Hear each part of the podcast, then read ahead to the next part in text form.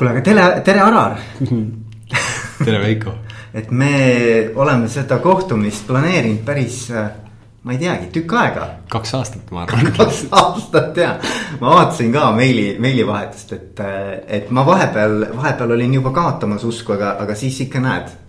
elu, elu ikkagi viis õigel ajal kokku ja sa ütlesid õieti, et, et kui sul on nagu asjad nii kaugel, et äh, sa oled valmis äh, rääkima, siis äh,, siis, siis saame kokku ja mm. näed, nii, nii oligi, väga hea, äge. mul on, mul on ka niuke nagu põnevus, sest, sest noh, kogu aeg ma teadsin, et me üks päev räägime, aga see on nagu see päev ja see õige hetk nagu. ja siis nagu ilmselt, ega ma ei mõelnud ka, milline see õige hetk siis on. aga nüüd, nüüd see on see hetk ja see tundub mulle õige ja loomulik ja ma tunnen siin istudes nagu hästi ennast, et. Et see, see on, see on nagu äge, eks ju, et ootad selle ära ja ei tee midagi nagu punnides. see on äge jah. ja, ja noh, ma arvan, meil on ka päris palju rääkida selles mõttes, et Äh, sul on just ju välja tulnud äh, raamat, see on su esimene raamat, eks ju mm. -hmm. esimene raamat äh,, ratsionaalne emotsionaalsus või mm -hmm. emotsioon või kuidas see. ratsionaalne emotsionaalsus. ratsionaalne emotsionaalsus ja, ja, ja sind on valitud eelmine aasta parimaks Eesti koolitajaks mm. -hmm. Ja, ja lisaks on sul äh, sa oled vist nüüd rohkem nagu Eestis ka, eks ole, oled nüüd nagu vaiksemaks võtnud ennast nagu või, või, või mis su plaanid on? aga selles suhtes ma, ma olen tegelikult täpselt samas nagu režiimis, et ma olen talvel olen Eestist ära kaks kuud umbes, vahe, noh, ja ma ennem olin pisut kauem, aga nüüd ma niimoodi kaks kuud, mulle meeldib see ja siis aasta jooksul ma käin veel umbes kaks kuud kuskil olen välismaal õppimas, mis tavaliselt jaguneb nagu mingi nädalastesse moodulitesse, eks ju, et siis mm -hmm. tuleb see aeg aga et jah, et, et selles mõttes mulle, mulle nagu tundus, et sa oled kuidagi nüüd nagu, oled rohkem ka Eesti nagu, nagu, fookusesse võtnud, vähemalt see oli minu tunnetus on ju.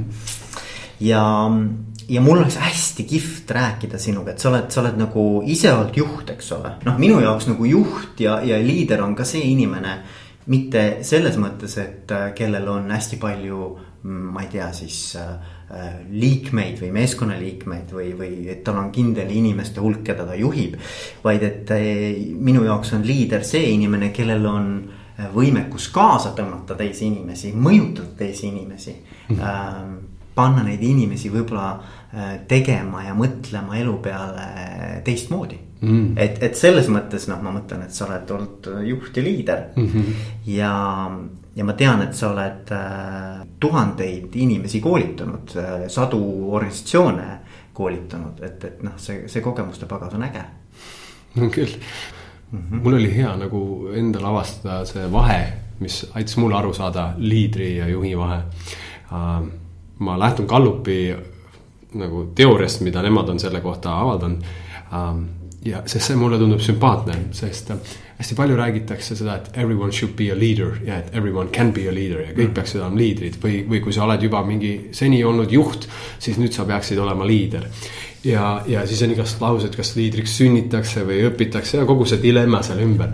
minu jaoks oli nii huvitav, äh, kuna see, mida mina õpetan oma juhtimiskoolitusel, tugevustele tuginev juhtimine, on just juhtimine, mis lähtub isiksuse omadustest ja sellega tulevatest piirangutest selles rollis või, või sellest tulevast nagu võimendist sellele rollile ja see oli kihvt nagu tajuda, et, et piltlikult see, mis eristab maailma parimaid juhte ja kui ma räägin maailma parim, siis Gallup ei pane kellelegi silti külge maailma parim, tema vaatab hästi objektiivselt. võtab mingi ärisektori, pangandus, lennundus, hakkab võrdlema seal erinevaid ettevõtteid, kellel võiks olla, kes on samal turul, samad mahud, nii edasi ja siis hakkab numbritest, mis on nagu kasumid, kaadri voolavus ja nii edasi ja siis tuleb, jõuab sealt tagasi selleni nagu üksikute juhtideni, kes siis töötavad seal pangas erinevates nii-öelda lokatsioonides ja, ja parim juht on siis see, kelle tiimis on kõige väiksem kaadri voolavus, kelle tiimi tõhusus või efektiivsus on kõrge, kus on kasumlikkus selle konkreetse unit'i kohta kõrge ja kus, kuhu klient peaks ka olema sellega seotud, kliendi rahulolu on kõrge. et see on nagu, ta vaatab niimoodi just nende numbrite järgi parim juht. ja mis see minu jaoks nagu valgustav teada üks hetk oli selline, kus nad defineerisid ära, et uh, et, et need maailma parimad juhid ei näe inimesi kui eesmärgi saavutamise vahendeid, vaid nad näevad inimesi kui eesmärke omaette. ja see hetk mina sain aru, et ma ei ole juht oma olemuselt. Äh, sest mina, kui ma mõtlen oma mineviku kogemustele, töötades tiimidega -hmm. minu jaoks olid alati inimesed eesmärgi saavutamise vahend. Nad olid toredad kolleegid mul, aga nagu fundamentaalsel tasandil mind drive'is alati tööalaselt äh, mingi muu mõte, kas on toode, kas see on turundus, kas see on äh, arendusplaan, aga mitte need inimesed seal. Need olid minu jaoks nagu noh, on inimesed ka. ja, ja kui ma mõtlen, et nüüd keegi neist peaks kuulama, siis veel kord, see ei ole midagi isiklikul tasandil, vaid puht tööalaselt mm.. minu jaoks oli, olid nemad vahendid mm. ja nüüd äh, kui ma mõtlen sellele nüüd, mis siis Gallup ütleb jälle liidri kohta, siis liider on äh, seda tüüpi inimene, kellel üldiselt on järgmised omadused, üks on, et äh, need inimesed, äh, neid ei drive'i inimes-, inimene, vaid neid drive ib visioon. Neil on mingisugune nägemus sellest, kuidas asjad, how things could be, et kuidas asjad võiksid olla ja, ja see, neil on lisaks sellele, et neil on nägemus, kuidas asjad võiksid olla, on neil hästi suur usk, et nemad on need inimesed, kes suudavad selle asjaga ellu viia. seega seal nende, mida see tähendab, nad on üldiselt päris suured optimistid. ja sealt oli põnev nagu omakorda kuulda, et liidri vastand ei ole mitte järgija, vaid liidri vastand on pessimist ja et nagu pessimist jällegi on päris vajalik isiksuse omadus teatud kontekstis, aga kindlasti mitte teiste inimeste eestvedajana. ja siis liidrite nagu miinus on see, et nad üldiselt kärsitud, kuna visioon on neil nagu nii suur, aga inimfaktor, kes visiooni ellu viib, on aeglane, siis nad üldiselt ei ole head inimeste juhid, sest nad lähevad närvi inimeste peale ja kui ma jälgin ennast, siis mina lähen päris kergesti närvi inimeste peale, kui nad ei mõtle asjadest nii kiiresti kui mina. aga juht just vaimustub sellest inimese aeglusest. tema jaoks on see challenge omaette mm., kuidas ma suudan selle idee mitte ainult ära müüa, vaid kuidas ma suudan selle idee muuta inimese kogemuseks, nii et see idee tundub nagu selle inimese idee, ta ise tahab seda ellu viia. seega see järgi ja juhi vahe ongi siis see, et väga harva on need ühes isiksuses koos mm., üldiselt ei ole. et, et juht äh, kannustub inimestest, liider kannustub mõtetest ja, ja minu meelest ongi nagu nii põnev kohe lõpetan selle pika monoloogi, aga, aga minu arust on nii põnev seda tajuda, et. et ma tean ülivähe neid juhte, kes päriselt ka kannustavad inimestest, üks on sinu podcast'is olnud Rain Tunger. et, et kui ma mõtlen, kuna Rain on ka ajas saanud minu parimaks sõbraks um,. Rain teeb mulle tihti kingitusi ja kingitus ei tule mingisuguse lipsuga karbi sees, vaid kingitus võib olla sihuke, Rain käis hiljuti nagu külas, meil oli üks omavaheline konflikt vaja ära lahendada.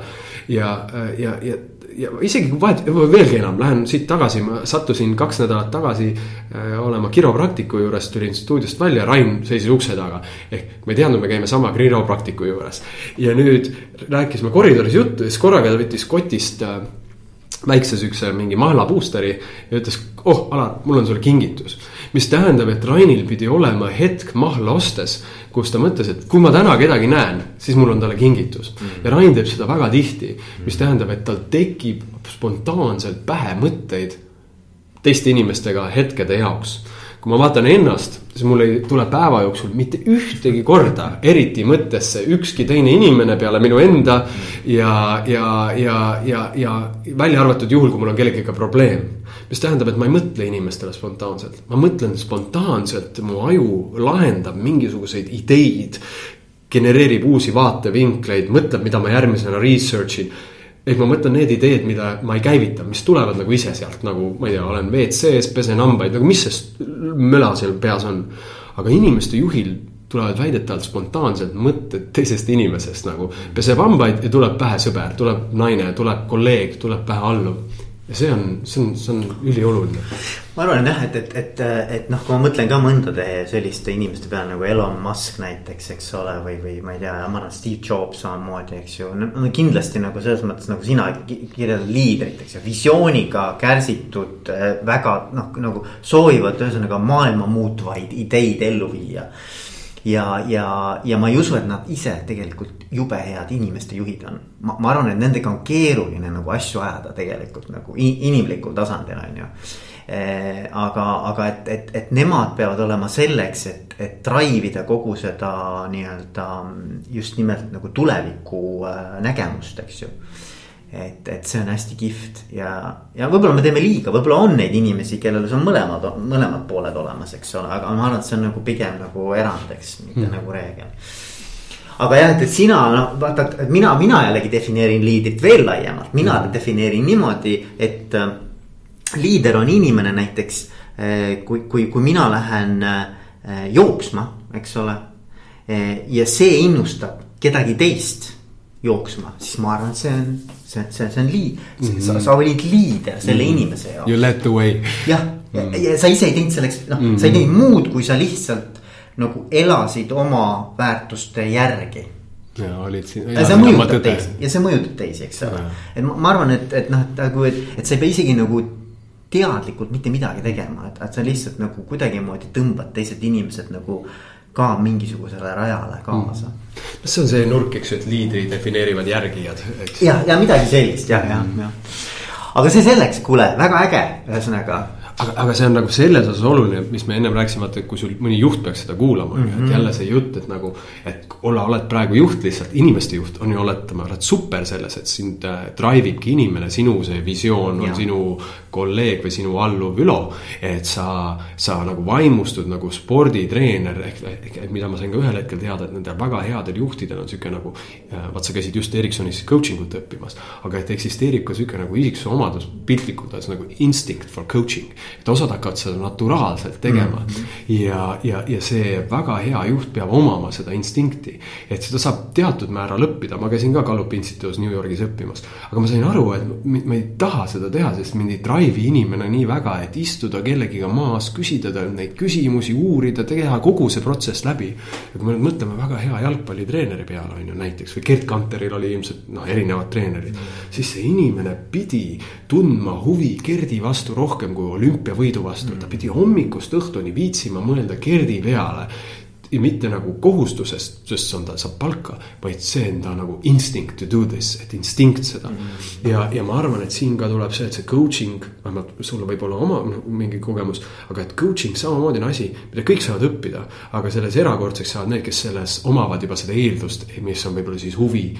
ja soov ja võime nagu olla teise maailmas sees. ja seetõttu nii-öelda inimene, kes on juht oma olemuselt, see coach nii-öelda, mis on minu definitsioonis siis juht, natural juht tema tihti ei pruugi olla üldse liider. ehk äh, ta ei pruugi üldse olla see, keda teised järgivad, aga ta ei kuidagi soovi ka seda. ja teda, ta võib olla täiesti taustal, aga tänu tema, tema loob neid inimesi, keda järgitakse. ja, ja ma olen nõus jah, jah. ja, ja, ja selles mõttes on huvitav, et, et, et nagu, et äh, see, see moment just mulle meeldis, mida sa nagu juhi puhul välja tõid, et. et juht ei ole nagu kärsitu või et nagu ta ei, ta ei anna alla nagu sellest, kui kui inimesed tuleb kohe kaasa mm. -hmm. et, et ma arvan, et see on hästi oluline coaching us samamoodi ja mitte ainult see, vaid ka see, et sa suudad eristada, mis on sinu maailm. ja mis on selle teise inimese maailm, sest et, et see on minu arvates nagu coaching'u puhul kõige keerulisem osa. et sa ei hakka iseennast nagu teise inimese maailma segama mm. -hmm. et, et kuidagimoodi, et, et sa hoiad need puhtana, isegi kui sulle tundub näiteks minu puhul, mis, miks mulle on coaching nagu raske või noh, ütleme niimoodi, et ma olen aru saanud, et kõige raskem osa on see, et ma äh, tunnetan mingil hetkel, et, et see oleks praegu see õige asi, mida, mida teha või, või, või lahendus või, või, või järgmine samm või nii.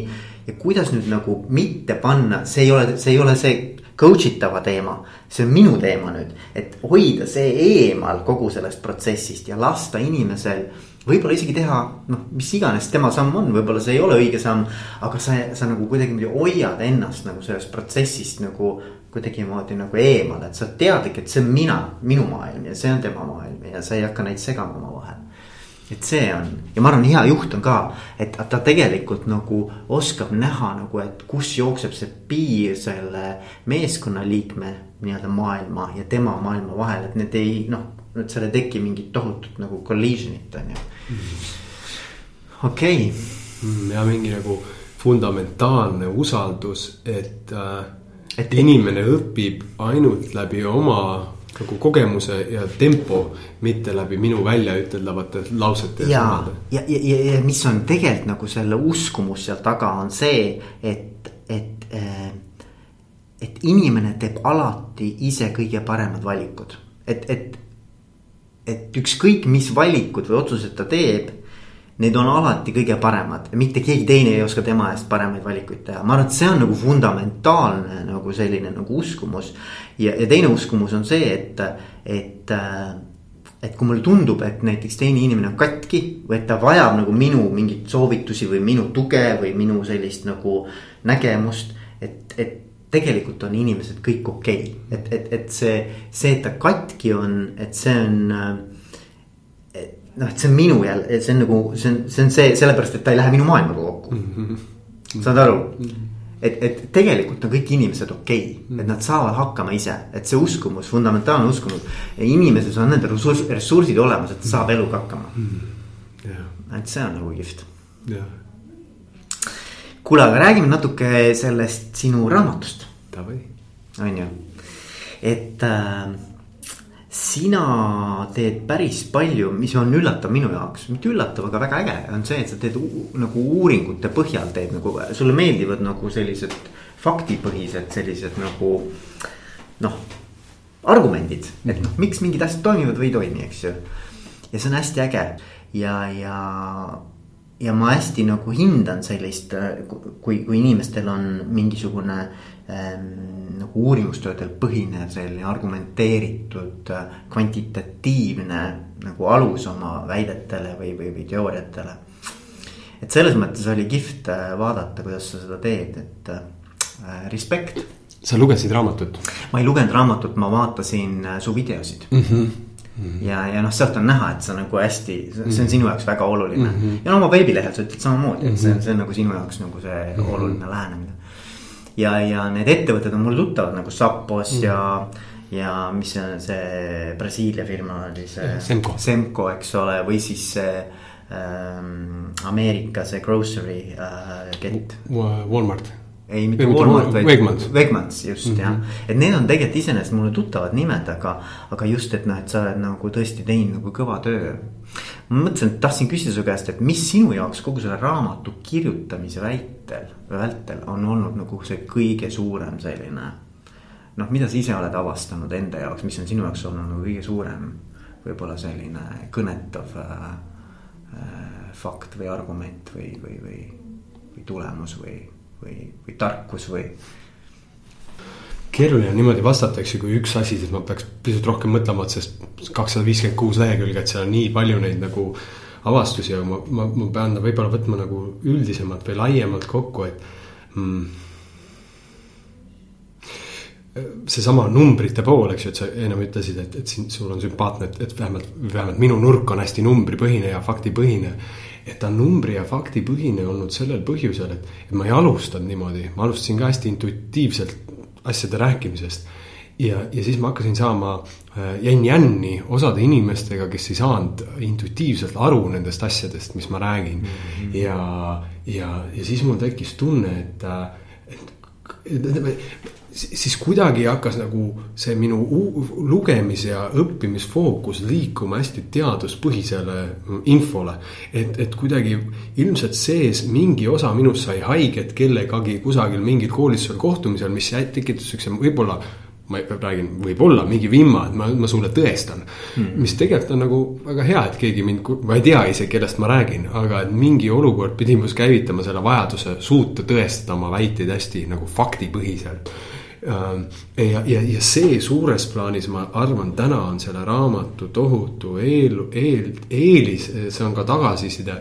et, äh, et seal on nii palju sellist, millega saab üks keskastme juht või spetsialist või juht äh, oma kolleegide, ütleme tippjuhtide seltskonnas minna ja öelda, et kuulge, see, mida ma intuitiivselt olen ka juba tundnud look it's been proven nagu, et see on nii palju kordi nagu tõestatud ja siin on näe Eesti ettevõtte näide, välismaa ettevõtte näide. et, et see, no mida ma siin räägin teie kolleegina või alluvana või juhina, sellel on nagu science taga, et ma tahaksin äh, aidata inimesed üle sellest august, kus, kus neil on tunne, et, et noh et, et see on, et need pehmed väärtused on mingisugused, ongi mingid pehmodele, vaid mõista noh, et, et, et, et et see ei ole mingi pehmoteadus, see on nagu reaalsus väga paljude inimeste jaoks on see, et nad tahavad tunda, et töö juures on inimestel omavahel head suhted, nad tahavad tunda, et tööl on mingisugune muu eesmärk kui omaniku rikkaks tegemine.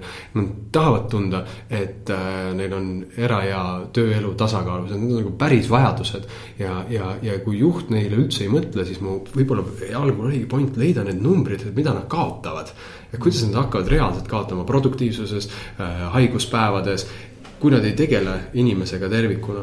see on nagu, mis, mis, mis on nagu üks väärtus seal, aga kui sa küsid, et mida mina õppisin, siis minu jaoks oligi huvitav äh, üks hetk, üks põhisisend sellele, kuna ma algul ei plaaninud raamatut kirjutada.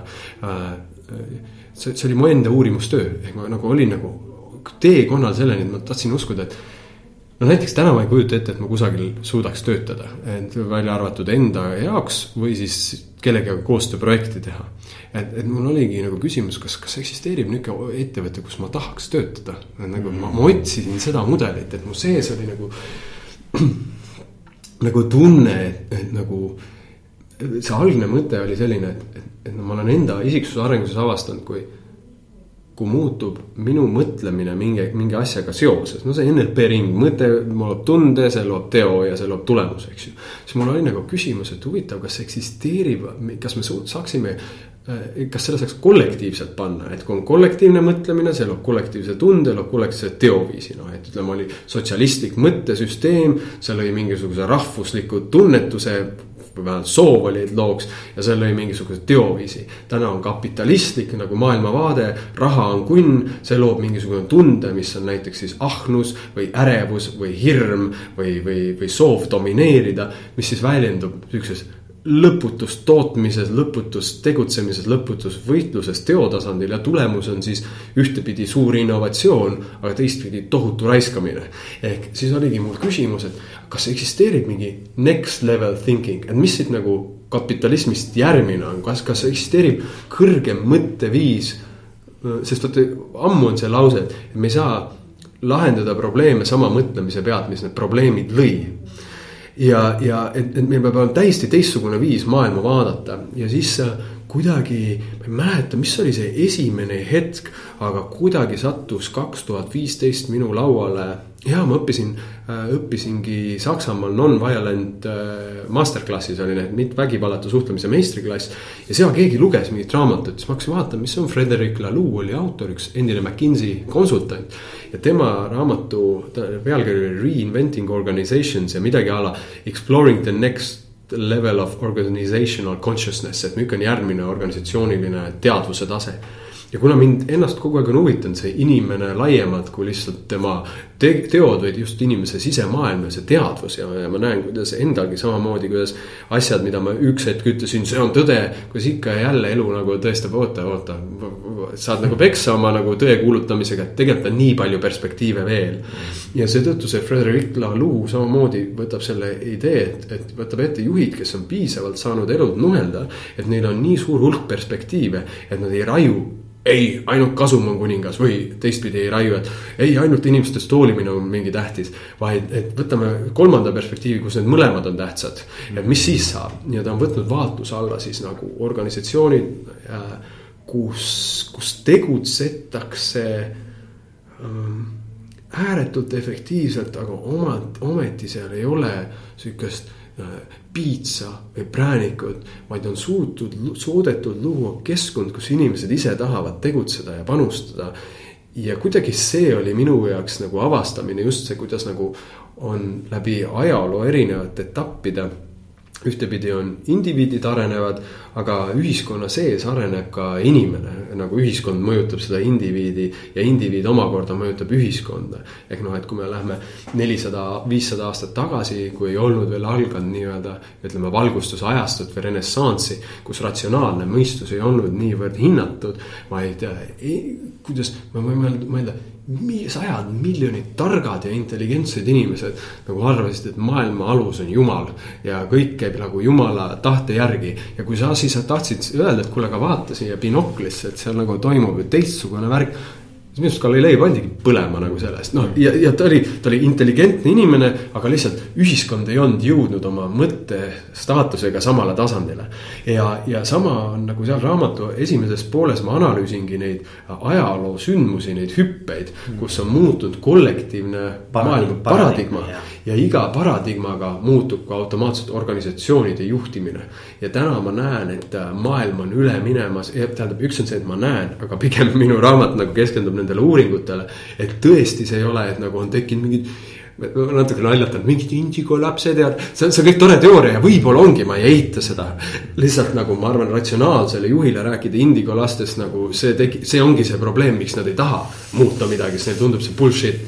aga et täna näiteks on sotsiaaluuringud, mis toovad välja et iga kolmas inimene läänemaailmas, Jaapanis ja Ameerikas ja Kanadas on nii-öelda oma väärtustelt liikunud kaugemale kui see, et elu ainus eesmärk on raha teenimine. vaid on liikunud väärtuste tasandilt sinna, kus nad tõesti väärtustavad mingisugust tarka tarbimistsüklit. Nad väärtustavad äh, äh, raamatute lugemist teleka vaatamisele, nad väärtustavad podcast'e, nad väärtustavad sihukest kvaliteedinformatsiooni plastilisele, sihukesele äh, fabritseeritud maailmale, kus nagu loodakse tooteid sellepärast, et inimestel on nii palju puudu puudujäägi tunnet, et seda nagu katta. vaid kus ikkagi need väärtused, me peame looma päris asju, mida on päriselt vaja, mitte looma vajadusi juurde.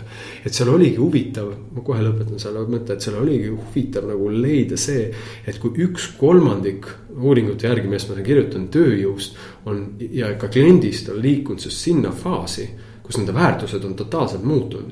siis vaata, tekib üks huvitav olukord, et ma olin Saksamaal, äh, tähendab, olin Rootsil ajal kursusel, kus oli üks äh, väga jõukas äh, investor Saksamaalt, kes mm, kes sai väga palju raha, kui ta investeeris õigel ajal Tesla aktsiasse. ja huvitav oli kuulda teda, et, et, et tema, kui ta näeb kedagi sõitmas nahkistmetega autoga kellel on võimalik sõita näiteks mingisugune uute, mingisugune mikrokiudude või mingi, mingi väga hüpermaterjalidega, mis näiteks Tesla, kusjuures Tesla ei kasuta nahkistmeid enam. siis tema jaoks tundub see inimene nagu veits nagu ajast ja arust, et miks sa pead nagu toetama loomade tapmist mm, -hmm. kui on võimalik nagu kasutada palju targemaid vahendeid. ehk, ja nüüd kujuta ette, et on selline töötaja mõnes ettevõttes ja näeb, et omanik tuleb, kes oma maailma paradigmat on just, et see on klassi näitaja tuleb selle nahksisuga persuga. ja siis töötaja vaatab, et pekki, ma olen siin tööl ma tahan maailma muuta ja läbi selle, et ma teen seda tööd, aitan ma sellel inimesel tegutseda vastu oma väärtuseid, kuidas mott kukub -hmm. Ehk nagu kuidas nagu toimub ju täna nii peennüansi tasandil potentsiaalselt töötajatest ilmajäämine. muidugi, ja see on äge jah. ja ma olen nõus sellega, et, et üha rohkem ja rohkem, eriti vaata, kui on äh, olukord, kus tööjõu äh, puudus on, eks ole. ja kus kõik ju nii-öelda võitlevad, et saaks endale parima parima personali, siis tegelikkuses hakkavad mängima hoopis teised nagu tegurid, et äh, seesama tööandja selline kuvand ja, ja bränd ja, ja kogu see pool, maine pool, eks ole, hakkab palju rohkem mängima kui, kui see, et. kas sa maksad mulle nüüd, ma ei tea, seal sada või kakssada või kolmsada eurot rohkem, on ju, et, et see ei mängi enam üldse nagu seda, seda rolli et ma olen nõus jah, et, et maailm muutub sinnapoole, et, et, et see just see nagu tähendus või mõtestatus nagu a, muutub üha tähtsamaks. jaa ja, ja samas osade töötajate jaoks mängib see kakssada eurot nagu suurt raha no,. oleneb, oleneb, kus sa nagu, kus sa oled oma selles nii-öelda noh. arengus. arengus ja hierarhias ka, et kuidas sa hakkama saad elus. et noh, mingist tasandist muutub see vähem tähtsamaks, eks ole mm. -hmm. ja, ja et, et, et aga, aga noh, et ähm, mul tekkis siin üks mõte näiteks, et Fred Reichelt räägib sellest, et on bad profit ja good profit, vaata ja mulle tundub, et siin ongi nagu need ettevõtted jagunevad ka, et, et on ettevõtted. kes teevad hästi palju profit'it, aga see kõik on nii-öelda nagu bad profit ja bad profit tähendab siis seda, et klient küll maksab selle eest aga ta tegelikult teeb seda nagu pika hambaga, ta tunnetab, et, et see on nagu mõnes mõttes nagu talt noh, nagu, nagu, et ta ei saa seda väärtust vastu tegelikult, aga peab selle noh, et ta on nagu sundolukord, mõnes on nagu monopolid on selles olukorras, eks ole. et äh, kes iganes, eks ole. mulle tuleb bad profit pähe isegi mingi lennufirma, mis lennutab Tallinnast äh, Londonisse. ja selleks, et sa saaks oma abikaasaga kõrvuti istuda, palun maksta kuusteist eurot juurde mõlemad. et, et, et sa teed selle ära, aga sul jääb nagu, nagu mm -hmm. kibe maik suhu, eks ole. et, et ma just mõtlen, et, et, et see on ka minu arvates nagu ülioluline, et kuidas sa nagu selle profit'i saavutad, et, et kas see on ikkagi läbi sellise nii-öelda nagu väärtuse pakkumise või see on ikkagi nii, et sa oled nagu pandud nagu sundolukorda, paned kliendi nagu sundolukorda, kus tegelikult sa saad selle raha kätte. aga noh, et, et mõnes mõttes nagu jääb nagu sihuke hapu, hapu maik sellest kõigest suhu. vot, kuule, aga äge, et äh, räägi mulle natuke, et kust sul see pealkiri tuli äh,? see on selline nagu äh, vastandite mäng, eks ju seal on tegelikult alampealkiri ka sellel mm., sellel raamatul, seal on, kuidas see oli, tugevused. Äh, tugevad tulemused pehmetest tegudest. just, just, just, just, just, et, et tugev, pehme ja ratsionaalne, emotsionaalne mm., kuidas sa nagu selle mm., nagu, kuidas sa sellega mängima hakkasid mm? -hmm. toon nagu näite nagu sealt, et, et, et, et siis see võtab võib-olla selle nagu mõtte kokku, et ähm, hästi enamik inimesed, kui neid vähegi nagu huvitab visuaalne kunst ja disain märkavad, et äh, linnaruum on muutunud ilusamaks, kui ta oli viisteist aastat tagasi, kuidas hakkab tekkima juurde isegi väikseid asju nagu prügikasti disain või mingisuguse bussipeatuse disain, rongipeatuste disain. või võtame nagu tarbeeseme nagu auto. noh, autod erinevad täna radikaalselt sellest, millest nad olid viisteist aastat tagasi. viisteist aastat tagasi olid enamik autod sellised, et täna ei ostaks mitte ükski inimene isegi kõige luksuslikumat Lexust, sellepärast et ta näeb inetu välja versus sellega, milline on tänane Hyundai näiteks. või Kiia, et äh, muutunud on totaalselt äh, visuaalne nagu väljanägemine auto autodel. ja see läheb järjest rohkem nüansirikkamaks, et kui me vaatame täna, mida teevad nagu, kui auto käivitub, Audi tagatuled teevad juba mingisuguse sümfoonia, mängivad seal ja nii edasi, on ju. ja nüüd nagu ratsionaalsest aspektist võiks mõelda, et nagu kurat, neid autod tagatulesi on vaja, noh, oletame, sa oled mingi ärimees on ju, seal Audi eesotsas. mis, mis me tegeme jamaga nagu, tegelikult tagame turvalise nagu kiiresti sõitva ökonoomse auto ja ometi äh, nende tagatuledega jännatakse, on ju. miks, sellepärast et inimesed tahavad osta tagatuledega auto, mis nagu mängib seda sümfooniaorkestrit sulle. ja kui sul tarbijauuringud näitavad järjest rohkem, et kui võtta isegi väike auto, mis on, on need mingid Citroen C2 ja sellise suurusega, eks väike auto, mida justkui klassikaline majandus teoreetik arvaks, et vot see, selle auto sihtgrupp on sihuke ökonoomne inimene, keda huvitab nagu madal kütuse kokkuhoid ja funktsiooni nagu rohkus, et sa saaks kuskil oma kohvitopsi paigutada, eks ju. siis tulevad viimased tarbijauuringud näitavad, et kui panna need väikeauto ostjad, need ütleme siis viisteist, kuusteist erinevat automudelit nina alla. siis otsuse enam-vähem samas nii-öelda äh, hinnaklassis teeb inimene auto välimuse järgi, sest iga asi, mida sa ostad on natukene nagu märk ka sellest, mida sina väärtustad ja kes sa oled.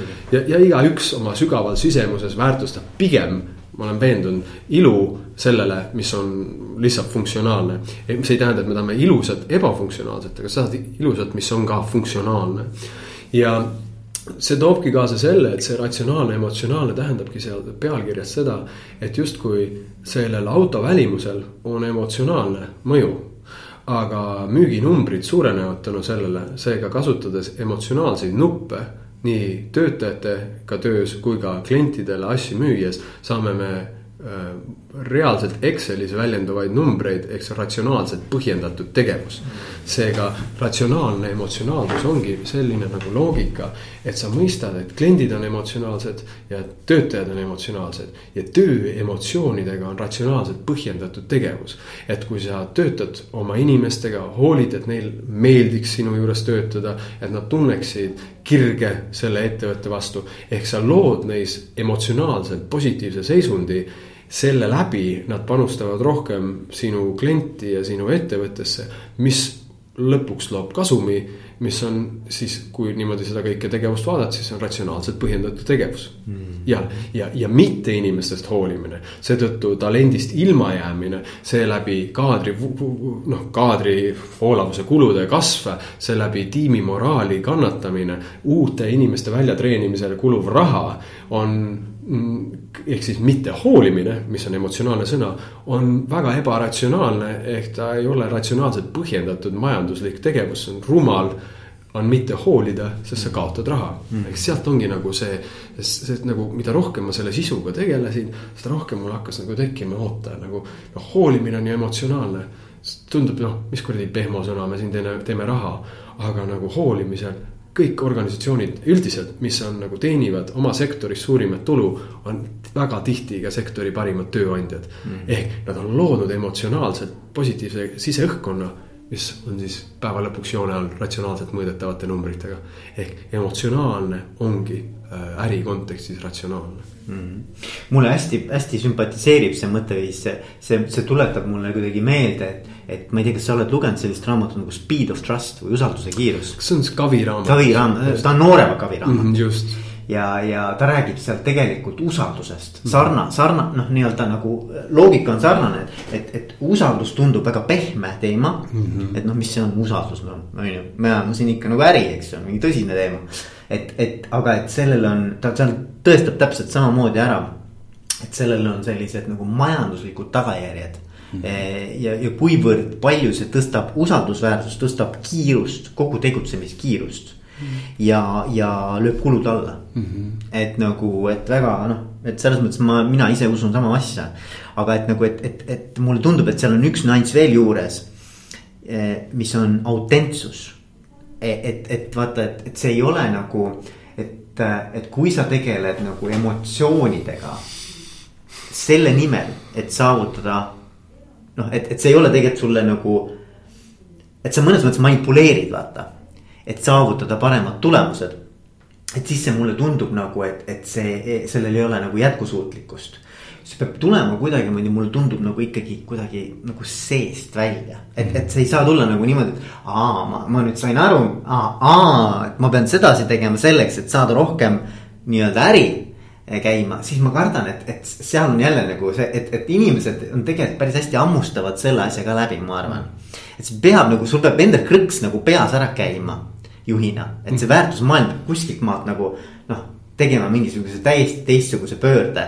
ja siis hakkab see kuidagi voolama nagu ise, vot see on hoopis teine asi, on ju. et vot üks asi jah, et, et kuidas seda teha niimoodi. et, et juhid nagu see, see käiks nagu neil kuidagimoodi nii-öelda nagu seedimisest läbi, et nende enda DNA-st käiks see läbi, vaata.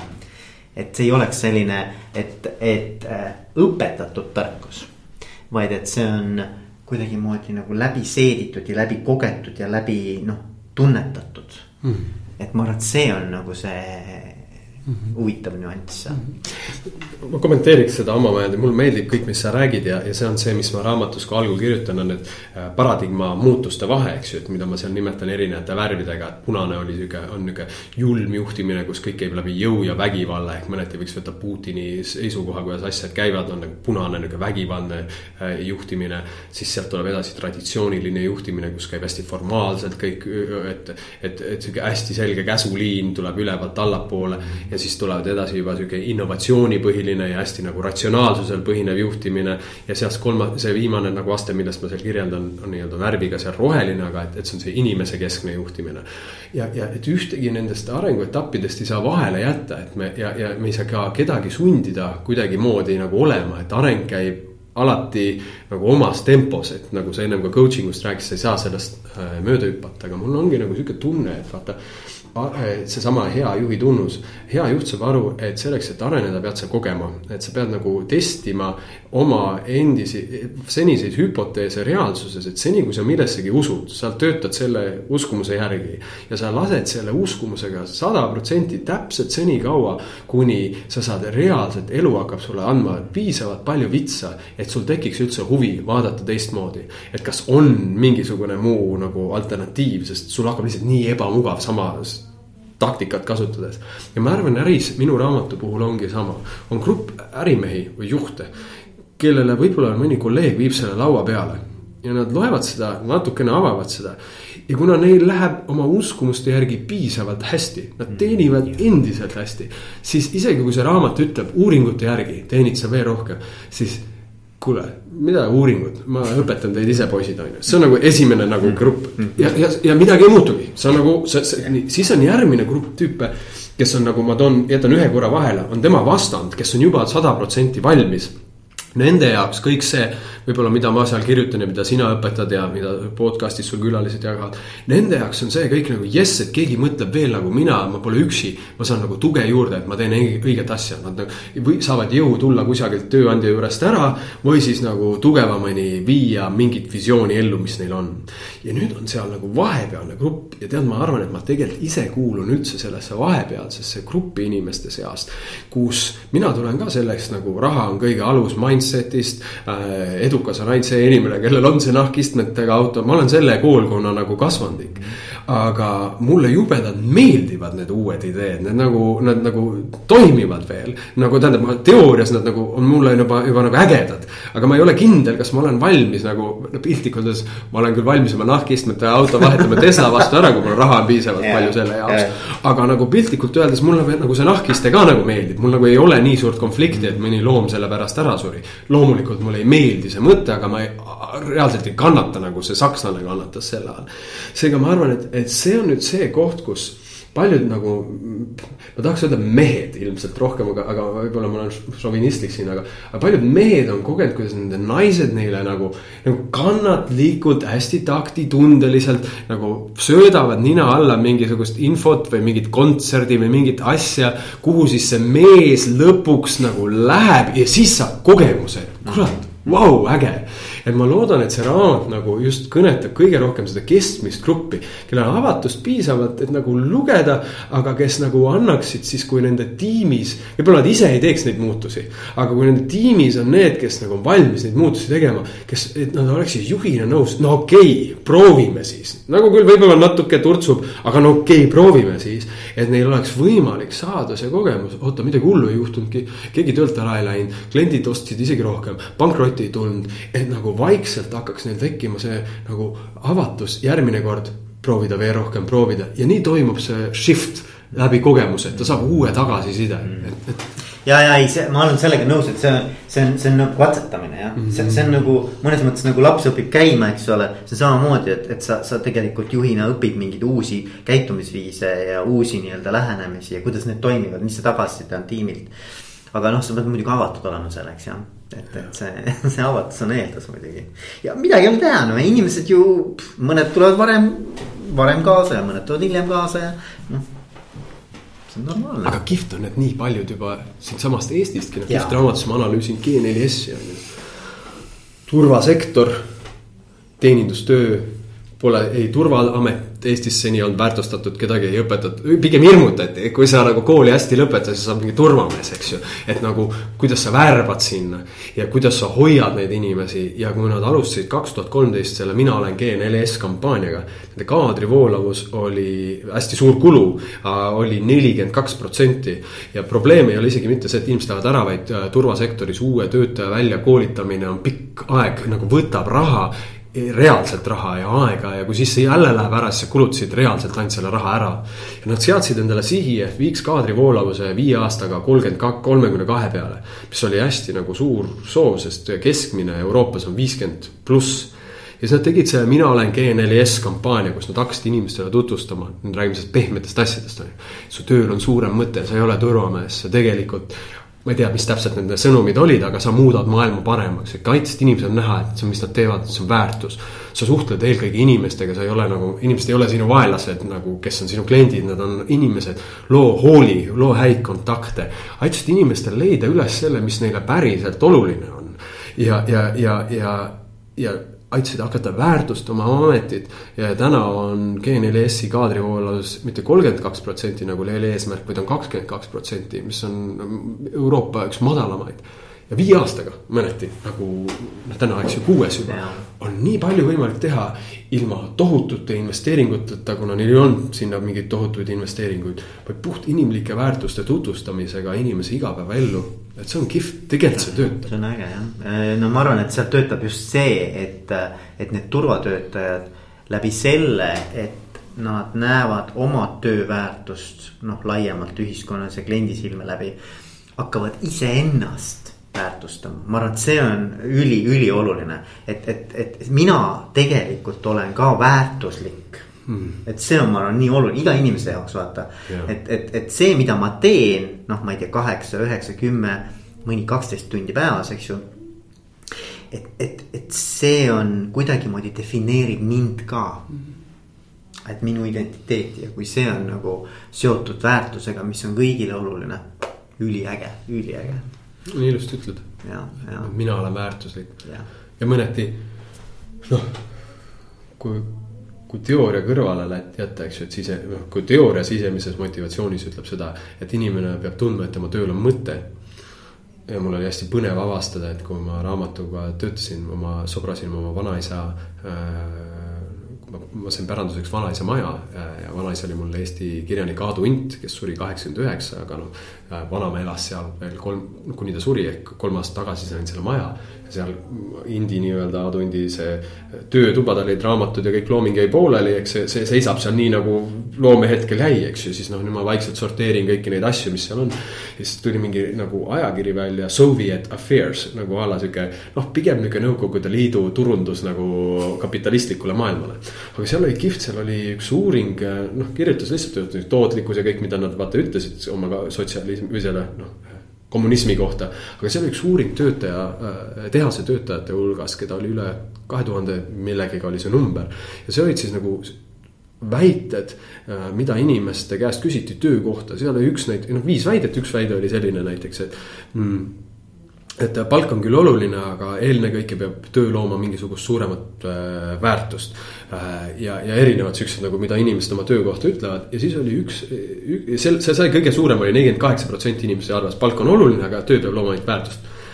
ja siis kõige väiksem vastanute hulk, kaks protsenti nõustus äh, seni, kuni raha on normaalne, on iga töö nagu oluline, noh, okei okay ja see oli aasta tuhat üheksasada kuuskümmend seitse, kui meie vanavanemad, eks ju, nagu tegid asja siin.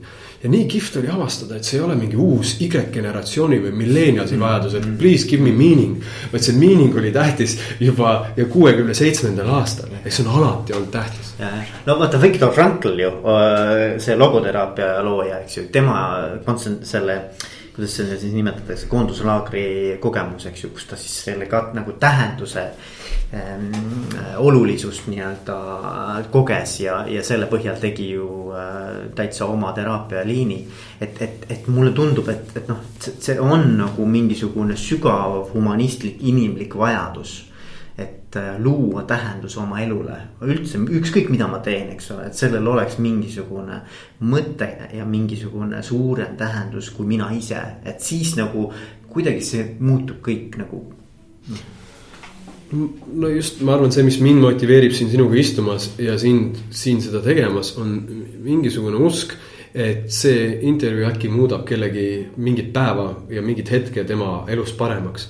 ja mulle meeldibki, et, et ma, ma nüüd täna, keegi ütles selle lause, aga ma ei tea, kes see oli, aga see oli minu jaoks see vajaolev nurk, et noh, tähendus ja kõik see meaning ja mõte. Need olid nagu teoreetilised kihvtid kontseptsioonid. aga siis keegi sõnastas selle, et fundamentaalsel tasandil tahab iga inimene tunda, et tema elul on väärtust kellegi teise elule. ja see kuidagi jõudis nii kohale, ma ütlesin jaa, ma tahan, et mu elul oleks väärtust kellegi teise elule iga kord, kui ma seda tunnen, saan kirja, keegi saadab raamatu kohta tagasi, et koolituse kohta tagasi, et. Need on need hetked, mille nimel ma nagu tegelikult tegutsen, siis ma tunnen, et ah, nagu, nagu it makes sense kõik see värk. ja, ja siis jällegi no, et, et, et kui me võtame selle tähendus ja ma teen kellegi elu paremaks, juba nagu, nagu emotsionaalsed sõnad.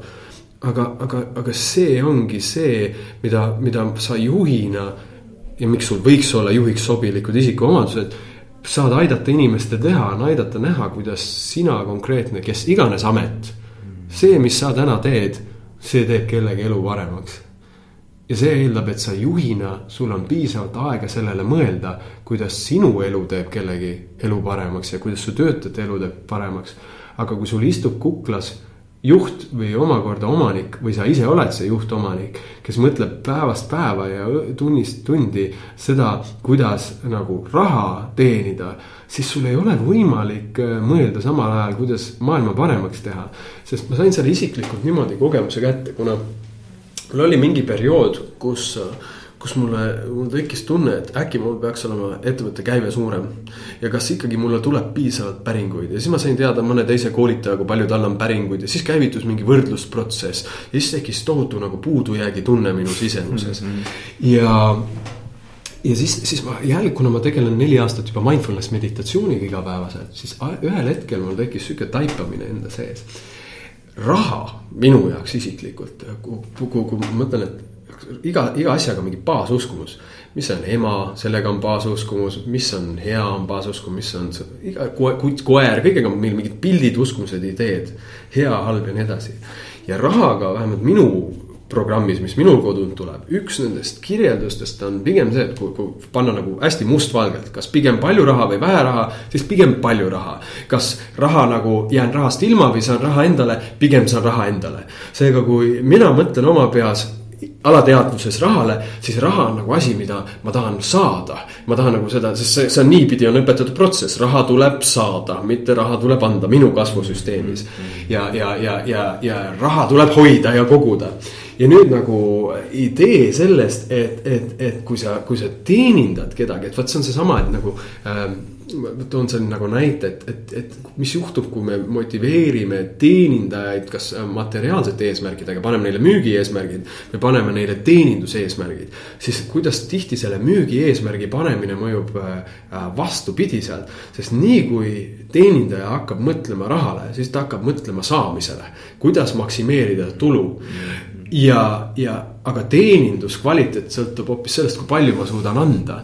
ja nüüd ongi nagu huvitav koht, et sa ei saa inimeselt eeldada enamasti kahte asja, see on kognitiivselt liiga keerukas. kuidas korraga anda, mis on väljapoole tegu ja korraga saada ja nüüd, kui ma olen finantseesmärgi poolt motiveeritud, siis kuna mina hakkan sind nägema nüüd rahaallikana. mäletan, kui ma kunagi müügitööd tegin, nii kui ma olin motiveeritud müügist, ma ei näinud enam klienti mm., mul nagu muutus oluline closing uks ja service kadus tagant ära mm. -hmm. ja kogu aju teeles selle ümber, kuidas ma nüüd close in sind ja, ja, ja, ja, ja sina hakkasid tundma ilmselt, mina tahan sult midagi mm. -hmm. ja kui sa tunned, et ma sult midagi tahan äh, noh, me oleme kõik seda tundnud kui müügisurvet, automaatselt läheb rahakott lukku, tõmban tahapoole. ja, ja, ja seetõttu on nii oluline suuta äh, müügiinimesena motiveerida ennast millestki enamast või teenindajana või koolitajana kui saamine. vaid hoopis see andmise protsess, sest siis mu aju on suunatud lahendustele mitte kokkuhoiule. aga see on jube keeruline, noh ja siit tulebki see paradigma vahe on ju, et kui nii paljud juhid on endiselt raha, raha, raha, raha, raha siis samal ajal nad ei saa mõelda, et kuidas me saame maailma paremaks teha, sest raha on nagu, kuidas ma saan rohkem saada, mitte kuidas ma saan rohkem raha anda. ja, ja, ja, ja see on, see on jah, see Adam Grant, üks, üks äh, professor, keda sina ka tsiteerid, tal on ju raamat ju Andjad ja, ja mm, -hmm. ja mhm. võitjad. et, et see on hästi huvitav, et, et mulle tundub ka, et, et kui see kui see fookus, näiteks Alar Tamming räägib sellest, noh, mul on Alar Tammingu podcast, kus ta räägib sellest, et, et kasum ei saa olla nagu peamine eesmärk mm. -hmm ja tema point on täpselt see, et, et kõik ettevõtted on ju loodud mingisuguse kliendi vajaduse nagu parimaks lahendamiseks, mitte selleks, et talt raha kätte saada, raha on see, mis on väärtuse peegeldus, mis see kliendi jaoks, mis väärtust see loob, kui sa, kus sa talle nagu pakud seda teenust või teeni- või toodet. aga et, et, et kui sa sellele fokusseerid ainult, et noh, et kuidas seda raha kätte saada, siis just nimelt nagu sina ka ütled, eks ole see muutub kogu see sinu nagu selline lähenemisviis ja kogu see hingamine ja, ja õhkkond ja kõik muutub hoopis teistsuguseks. ja, ja see fookus kaob äh, sellelt nii-öelda kliendi vajaduselt nagu ära ja, ja siis noh, suure tõenäosusega klient tunnetab ka selle ära, eks ju.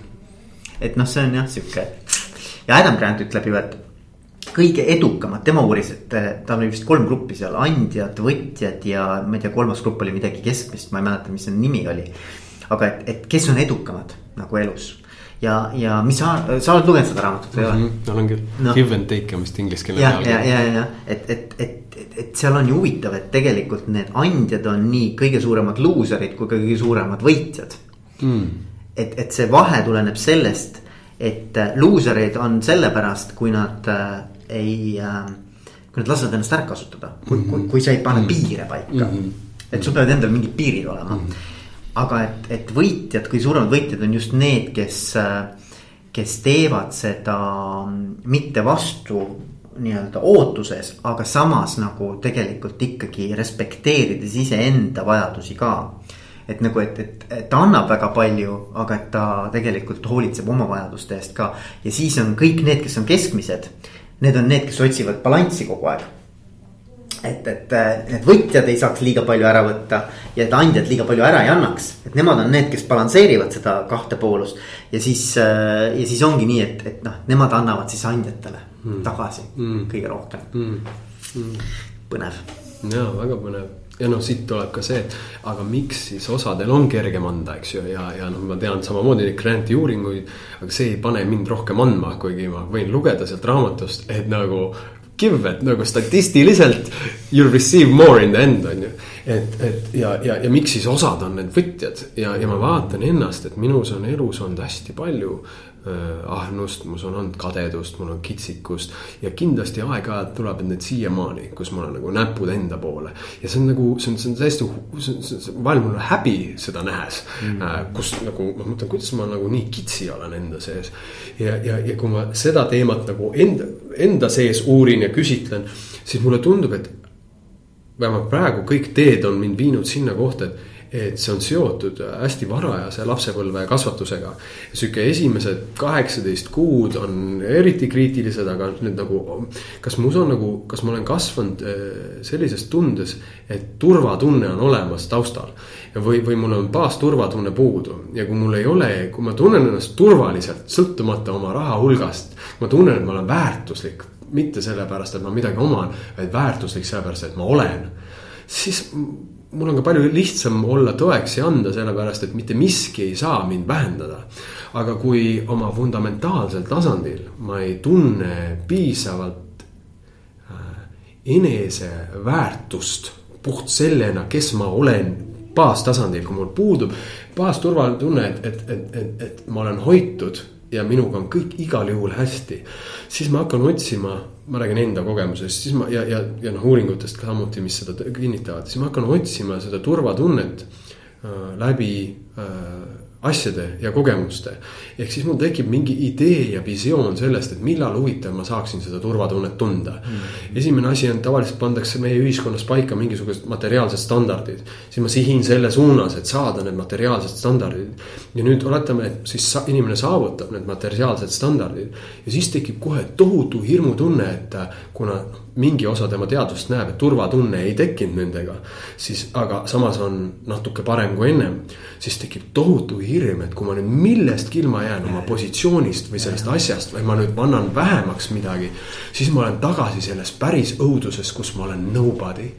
ja mulle tundub, et, et, et vaata, kuna lapsepõlv mõjutab väga selgelt, kas inimene tunneb ennast somebody'na või nobody'na, no hoolimata oma omandist või sellest, kus, mis on tema sotsiaalne positsioon siis mulle meeldib hästi, et, et üks, üks minu eeskujusi ütles ühes, ühes TEDxis nagu väga hästi siukse lause, et. et järgmine kord, kui sa näed Ferrari'ga sõitvat inimest, siis ära muutu kriitiliseks ta vastu, ei mõtle, et kuradi nagu kihutaja siit. vaid mõtle, et see on see inimene, kes vajab kõige rohkem praegu armastust ja tuge, sellepärast tal on tohutu puudujääk enda just, sees, et just. midagi kompenseerida. Et noh, sama on, sama on ilmselt siis nende äh, tuhandete Eesti omanikega, kelle hulka ka mina ühe jalaga ja vahel ka kahe jalaga kuulun. kellel nagu on jube raske nagu hoolida ja anda oma meeskonnale äh, mis iganes kujul, ma ei mõtle seda raha ilmtingimata, aga on see mingisugused sotsiaalsed programmid, mis ettevõttesiseselt on panustamine nendesse pehmetesse väärtustesse. sest see käivitab selle baashirmu, et ma võin jääda ilma millestki ja siis ma olen jälle selle valutundega silmitsi, et ma olen nobody mm,. jah, jah, ei on küll jah, ma olen nõus sellega, et, et anda on lihtsam siis, kui tegelikult sa tead oma väärtust. jah, jah. kuule, aga Alar, ma, ma küsin lõpuks viimase küsimuse, et kas on midagi Äh, mida ma ei ole sinu käest küsinud, aga et sa tulid äh, siia minuga kohtuma ja mõtlesid, et vot see on asi, millest mul oleks hea meel rääkida. Mm. et midagi, mida ma võib-olla ei ole puudutanud, aga mm., aga et sa, sa tahaksid võib-olla jätta näiteks viimase mõttena äh, meie kuulajatele. mis mulle pigem nagu hästi nagu kõnetas, oli see sõna, kui sa tõid ennem välja autentsus. et, et, et see, see on, see on teema, mis minu jaoks on muutunud järjest tähtsamaks, et ühtepidi. ma olen viimase aasta jooksul aru saanud, et isiksuse arengu eesmärk väga harva on õnnetunne. me arvame, et isiksuse arengu eesmärk on õnnetunne sellepärast, et me teame kõik väga hästi, mida tähendab mitteõnnelik olemise tunne. ja seetõttu öeldakse, et me teeme, käime juuksuris, käime söömas kogu aeg, et kogeda õnne. ja tegelikult me arvame, teeme neid asju, et kogeda vähem halvasti ennast suures osas ja, ja, ja isiksuse arengu eesmärk ei ole mitte õnnetunne, vaid isiksuse arengu eesmärk on kaks asja. üks on vitaalsus jõulisus, et sul on totaalne eluenergia kogu aeg olemas, see, mis sul kunagi lapsena oli, et sa ei ole kuidagi piiratud oma kompleksidest, oma allasurutud emotsioonidest, läbi töötamata nii-öelda minevikust. ja teistpidi, kui sul see vitaalsus tekib sinna taha, siis sinna juurde autentsus. et sa julged olla sina ise igal mm. juhul, et sa usaldad oma emotsioone, et sa ei taha olla ainult õnnelik, vaid sa oled valmis ka olema kurb, et sa oled ka valmis kogema seda kadedust, et sa oled valmis olema nagu päris ja valmis ka seda kommunikeerima. ja mulle tundub, et äh, isiklikult see, mis, kus minu nagu kasvuhüpe inimesena järgmine ongi, on kuidas suuta olla interpersonaalsetes ehk inimeste vahetes äh, suhetes äh, maksimaalselt äh, ehe ja aus, ilma et teisele haiget teeks, aga samas, et ka ei jätaks enda, et ei teeks ka endale haiget seeläbi, et ma olen kellegiga, elan vales. ja, ja, ja kannan mingisugust maski, kus ma ütlen, et kõik on hästi, kuigi ma oma sisemuses tunnen, et ei ole. ja see on äh, teema, mis äh, mind hästi huvitab, et ma õpin praegu seda ka ise. Hollandis olen aasta juba programmis olnud, on nihuke programm nagu Circling, mille fookus on siis sellel, et kuidas suuta rääkida rasketel, aga päris teemadel. ja, ja üks teema, mis mind õudselt huvitab, on siis nagu organisatsioonid, mida kutsuvad TDO ehk Deliberately Developmental Organizations, kus on hästi selgelt aru saada seda, et. et täna on probleem tihti maailmas see, et kuna töö juures ei ole aktsepteeritav tihti olla nõrk. kõik peavad, me oleme, peame olema tegijad, me ei virise, me ei hädalda, me oleme kõik nagu tegijad. me ei eksi. me ei eksi, just mm. nagu sa ütlesid mm., siis see toob kaasa selle olukorra, et kui on koosolek siis tihti nagu öeldakse, et kuule, sina, Jüri, sina nagu, hakka seda asja tegema.